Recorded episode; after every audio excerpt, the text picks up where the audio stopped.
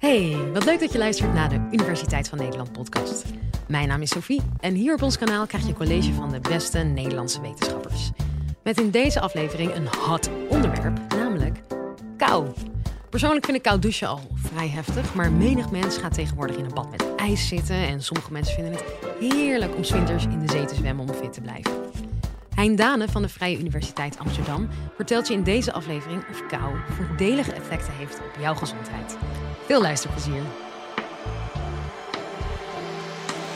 Live vanuit Club Air is dit de Universiteit van Nederland. 's ochtends vroeg, direct uit je warme bed. Zo onder de ijskoude douche. Wie van u doet dat? Weinig. Eentje, ja. Toch wordt het steeds populairder. Je leest er ook steeds meer van. Het is echt een hype aan het worden. En een andere hype is winterzwemmen. Mensen die in meertjes of in koude rivieren gaan zwemmen en op die manier proberen aan de gezondheid bij te dragen. En wie kent Wim Hof niet? De Iceman. Heel bekend. Voorbeeld zit vaak in ijsblokjes en claimt ook dat blootstelling aan kou allerlei gezondheidseffecten heeft. En dan cryotherapie. Een ruimte waar met vloeibare stikstof de temperatuur wordt teruggebracht tot ver onder nul, soms wel min 110 wordt geclaimd. En ook daar worden allerlei gezondheidseffecten geclaimd. Is dat nou wel zo verstandig? We weten ook dat er gevaren aan zitten. De eerste mensen met swimming failure, mensen die verdrinken in de koud water, wordt al gesignaleerd. Wat gebeurt er dan? Als je in koud water zit, worden de spieren ook kouder. En op een gegeven moment kunnen ze zo koud worden dat je de zwembeweging niet meer kunt maken. En als je dan geen drijfmiddel hebt, ga je kopje onder. Dus die gezondheidsclaims die moeten wel heel erg sterk zijn. Nou, ik zal laten zien dat er indicaties zijn dat ons immuunsysteem beter wordt in de kou. Maar ook dat we nog geen keiharde wetenschappelijke uitspraak kunnen doen dat een koude douche en die koude blootstelling gezond is. Ik loop met u al even, even allemaal door. Ik ben thermofysioloog. Ik doe onderzoek naar het effect van hitte en kou op menselijk functioneren. En ik doe dat meestal in klimaatkamers. In die klimaatkamer kunnen we de temperatuur variëren van min 20 tot plus 60. We kunnen de luchtvochtigheid kunnen we controleren. We hebben wind hebben we erbij kunnen we maken en we hebben kunstzonne. Dus op die manier kunnen we vrijwel elk klimaat van de wereld kunnen we nabootsen. En daar werken we met proefpersonen, stoppen we daar mensen in en op die manier kijken we naar hun reactie. We kunnen een woestijnklimaat maken, heet en droog. We kunnen een jungleklimaat maken, erg belastend, want dan kunnen we ons zweet niet verdampen, heel vochtig en warm. En op die manier verzamelen we onze kennis. En hoe meer ik dat soort onderzoek doe, hoe meer ik begrip krijg voor hoe fraai dat lichaam in elkaar zit. Eigenlijk is ons lichaam heel cool. Het zit heel mooi in elkaar. En ik wil met u even die mechanismen bespreken die wij hebben. Wat er gebeurt als we onder een koude douche staan en als we ons aan koude blootstellen. Het eerste wat we doen als we in die kou komen, is dat we proberen die warmte in ons lichaam vast te houden en niet kwijt te raken. Dat gaat heel mooi. Die kern die wordt heel warm en die, die omgeving, de armen en de voeten, die koelen af. Dat gaat met bloedvaatjes in de huid. En als het koud wordt, trekken die samen. En die bloedvaatjes die liggen eigenlijk in een vetlaagje. Het bloed gaat langzamer lopen. Ik ga minder warmte aan de omgeving afgeven. En op die manier hou ik mijn warmte vast. Het gaat wel ten koste van de temperatuur van mijn handen en voeten. En dat is ook het eerste wat je merkt. En dat kan soms heel extreem zijn. Als we extreem koud zijn, en het is ook nog eens koud in die omgeving, dan kan het zelfs zo zijn dat die doorbloeding van die handen en voeten in een kritische fase komt. Heel bekend is de loopgravenvoet. Mensen zijn vaak onder voet koud, lokaal is de omgeving ook heel laag. En dan spreken we wel eens van een fysiologische amputatie. Die schade kan zo ernstig zijn dat je ook je gezonde weefsel gaat verliezen. Dus die bloedvaten in de huid is eigenlijk de eerste reactie waarmee we die warmte proberen centraal vast te houden. Bijzonder effectief. Je ziet het ook vaak als je rondkijkt, het is hier redelijk warm. Dan zie je vaak wat meer kleur op de wangen. En als hier de thermostaat wat teruggedraaid zou worden, zou ik wat meer witte gezichten zien.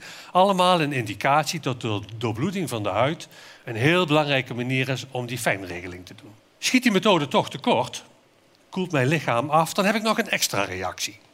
Ik kan warmte maken door te gaan rillen. En om een beetje een beeld te geven, zoals u hier nu zit in rust, maakt u ongeveer 100 watt aan warmte. Een flinke gloeilampen. En als je gaat trillen, dan kun je vier keer zoveel aan warmte maken, 400 watt. Die spieren trekken samen, die genereren warmte. Klappertand is ook zoiets, ook warmte genereren. En op die manier kan ik ervoor zorgen dat die afkoeling van mijn lichaamstemperatuur ook een beetje wordt gestopt. allerbelangrijkste mechanisme wat we hebben is ons gedrag. Als het echt heel koud is, dan gaan we ons kleden. We doen een sjaal om. We zorgen ervoor dat we voldoende kleding dragen. We gaan in een warme omgeving gaan we zitten. Even trouwens een tip voor die kleding. Als je bijvoorbeeld handschoenen aantrekt, doe dat dan als je warme handen hebt. Niet als je koude handen hebt. Want als je over nadenkt, kleding vertraagt de warmteafgifte. Als ik koude handen heb en ik heb handschoenen aan, het is buiten koud, dan doen ze niks. Pas als ik warme handen heb en ik doe die handschoenen aan, dan vertraagt hij die warmteafgifte en hou ik lange warme handen. Mijn moeder gaf altijd die tip al mee. Doe nu je kleding aan en niet als je dadelijk in de kou buiten bent, want dan heb je er niks meer aan. Kleding is dus een heel belangrijk mechanisme. En um, als je zo alles op een rij gaat zetten, die bloedvatvernauwing, het rillen en die kleding, dan denk je van nou, we zijn heel wat mans in de kou. Maar als we dat gaan vergelijken met wat we in de hitte kunnen, valt het in het niet. In die hitte kunnen we heel goed warmte verliezen door zweten. Als we dat verdampen, koelen we heel sterk. En eigenlijk zijn we in de kou toch relatief onbeholpen.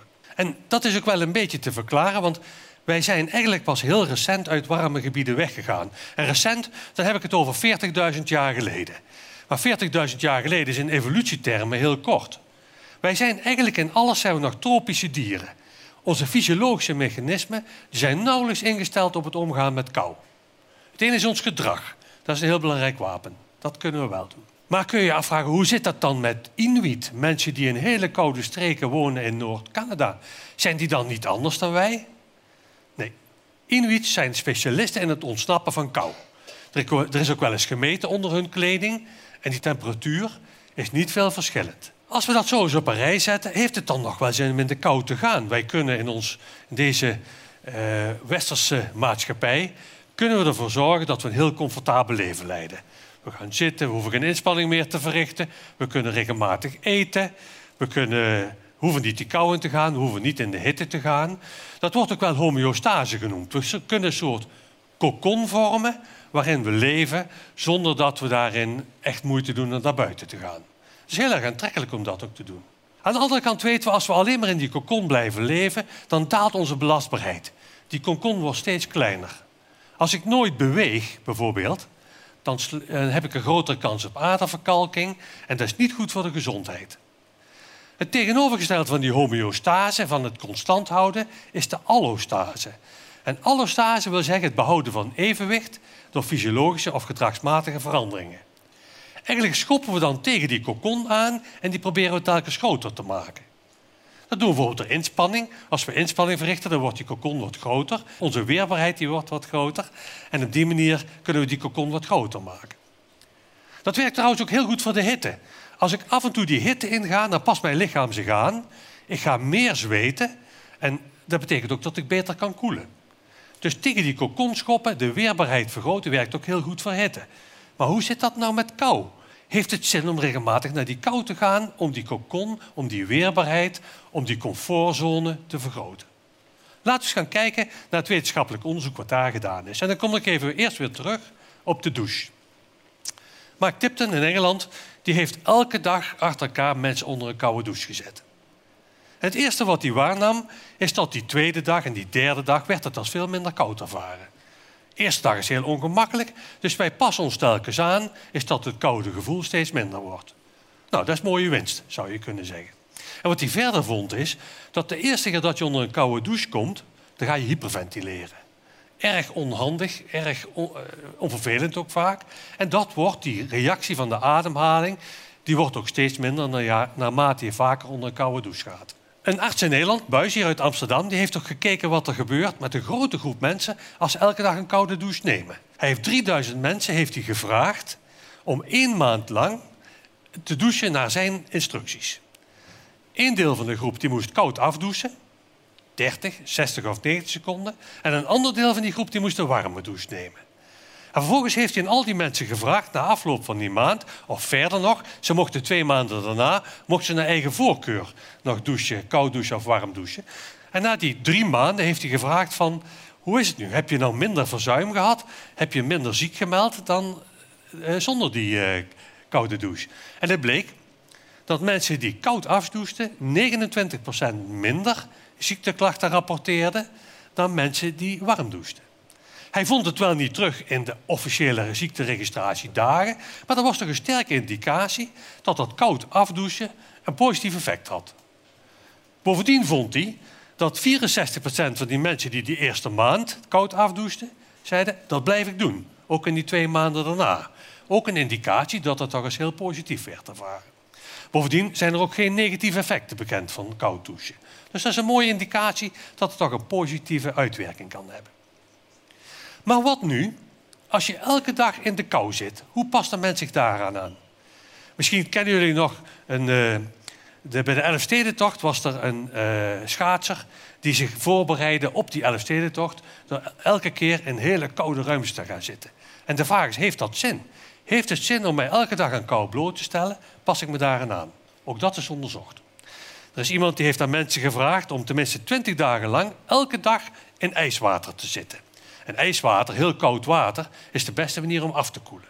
Wat vond hij? Als je elke dag in koud water gaat zitten, dan vond hij precies als in dat onderzoek met douchen, dat elke opeenvolgende dag die koude als minder erg werd ervaren. De eerste dag was afzien en de tweede, derde was al een heel stuk minder. Maar wat hij ook vond, is dat elke opeenvolgende dag mensen steeds minder warmte begonnen te maken. En dat was natuurlijk wel erg contraproductief. Elke dag dat je weer in die kou zit, ga je steeds minder warmte genereren. En dat is weer een nadelig effect daarvan. Maar zeggen sommige mensen, je moet ook niet zozeer kijken naar het hele lichaam aan koude blootstellen. Het staat eigenlijk toch buiten kijf dat visfileerders, daar is naar gekeken, een veel betere vingerdoorbloeding hebben dan mensen die niet altijd met hun handen koud water zitten. Dat was eigenlijk in 1960 al onderzocht. Visfileerders hebben een grote doorbloeding. En er werd toen al gezegd van nou, dat zal waarschijnlijk wel komen dat ze altijd met hun handen in ijswater zitten. Dat zal de, de doorbloeding wel stimuleren. Dus misschien moet je daar naar kijken. Daar zit toch wel een heel groot positief effect. Aan de andere kant zou het heel goed kunnen dat je alleen maar visfileerder wordt wanneer je alleen maar warme handen hebt. Het zou best eens een selectiemechanisme kunnen zijn. Dat is heel lastig om dat uit dat onderzoek te concluderen. Dus wat hebben wij gedaan in Amsterdam? We hebben een onderzoek opgezet waarin we mensen gevraagd hebben om 15 dagen lang elke dag één hand en één voet een half uur lang in ijswater te dompelen. En je kunt zich wel voorstellen, de andere hand en voet die werd als controle gebruikt. Die werd op de eerste dag en na 15 dagen gingen we kijken of daar wat veranderd was. En je kunt zich wel voorstellen, deze controlehand en voet was geen enkele verandering. Wat was er nou aan de hand met die hand en voet die we wel elke dag in koud water dompelden? Nou, dat werd elke dag steeds als minder koud ervaren. Dat is natuurlijk weer fijn om het zo te hebben. Maar de doorbloeding die nam niet toe. Dus dat die visfileerders een selectie is, dat is altijd nog een hele plausibele verklaring. We hebben niet kunnen vinden dat er de bloeding zich aanpast. En je zou zelfs een lijntje kunnen doortrekken. Als het waarschuwingssignaal minder wordt, als ik minder kou voel, minder pijn voel en mijn doorbloeding die verandert niet, dan houdt dat eigenlijk een risico in. Mijn waarschuwingssignaal wordt minder en mijn fysiologische aanpassingen niet. Dus eigenlijk zien we dat de mens zich niet zo goed aan kou kan aanpassen. En het hele lichaam niet en ook niet met die handen en die voeten. En dat is dan weer een lijn met die observatie dat we eigenlijk vrij recent uit die tropen zijn weggegaan en nog in alles warme dieren zijn. Aan koude aanpassen is heel erg lastig. Laten we nu eens gaan kijken naar die andere therapieën, naar Wim Hof en cryotherapie. Laten we eerst eens gaan kijken naar die cryotherapie. Mensen die in een koud bad zitten of in een hele koude lucht zitten, vaak direct na inspanning. Wat is daarmee aan de hand en wat is daar wetenschappelijke evidentie? Er is heel veel over geschreven. Er zijn allerlei claims, zijn er ook. Dat mensen beter gaan presteren, maar er blijft heel weinig over als je literatuur bekijkt. Er is één punt waar nog altijd discussie over is, en dat is of je minder spierpijn hebt door cryotherapie. Er zijn toch wel aanwijzingen dat als je meteen na afloop van de inspanning in een koud bad gaat zitten, dat dan op termijn de spierpijn wat minder is. Maar daar wordt heftig over gedebatteerd. Dan hebben we nog de Wim Hof methode. Wim Hof, een, een markante man en altijd bereid om mee te doen aan wetenschappelijk onderzoek. En dat is heel prettig. En ook zijn methode is dus uitgebreid onderzocht. En er is net vers van de pers weer een nieuw artikel verschenen. Een paar jaar geleden werd al vastgesteld bij mensen dat na de Wim Hof-methode het immuunsysteem beter functioneerde. En er is net een heel mooi onderzoek gepubliceerd waarin ze mensen met een heel vervelende uh, bepaald type chronische gewrichtsaandoening die hebben ze met de Wim Hof-methode behandeld en geen behandeling. En het bleek dat die mensen na die Wim Hof-behandeling minder klachten hadden en een beter immuunsysteem. Dat hebben ze ook netjes gemeten. Dat zijn dus hele positieve indicaties. Het probleem alleen is dat die Wim Hof-methode is niet alleen koude blootstelling, maar er is ook ademhalingsoefeningen, concentratieoefeningen. Het is dus een heel pakket. En die auteurs die zeggen terecht van die Wim Hof-methode lijkt positief uit te pakken. Maar of dat nou in die kou ligt of die andere factoren, dat weten we niet. En dat moet dus nog eens heel goed onderzocht worden. Terug naar de eerste vraag, terug naar de douche. We hebben dus indicaties dat die koude blootstelling gunstig kan zijn voor het immuunsysteem. Maar echt keihard kunnen we niet concluderen, omdat er allerlei factoren ook een rol spelen rondomheen. En eigenlijk moet je zeggen dat meer onderzoek nodig is om dat goed vast te kunnen stellen. Ik heb zelf ook nog één onderzoek gedaan voor mezelf. Ik ben zelf ook iemand die s ochtends eerst onder de koude douche stapt. En ik heb gemerkt dat als ik dat doe, mijn gasrekening daardoor daalt. Onomstotelijk. En het tweede wat ik heb gemerkt is, ik vind het toch niet prettig om heel lang onder die koude douche te staan. Dus wat ik ook gemerkt heb, is dat mijn waterrekening daardoor daalt. En mocht ik ooit in een bootje omkiepen in ijskoud water, dan troost ik me ook met de gedachte dat mijn ademhaling iets minder fel zal zijn. En iets minder zal hyperventileren dan wanneer ik niet onder die koude douche sta. Samenvattend, de koude douche, geen enkele reden om het niet te doen, maar die positieve effecten moet toch heel goed kritisch naar gekeken. Ik hoop dat je het een leuk college vond en dat je er wat van hebt opgestoken. Iedere week uploaden we op dit kanaal twee nieuwe podcasts. En als je dat nog niet genoeg vond, kun je natuurlijk onze hele playlist checken. Het volgende college gaat over vooroordelen. Mijn naam is Sophie Frankemolen. Dankjewel weer voor het luisteren en tot de volgende.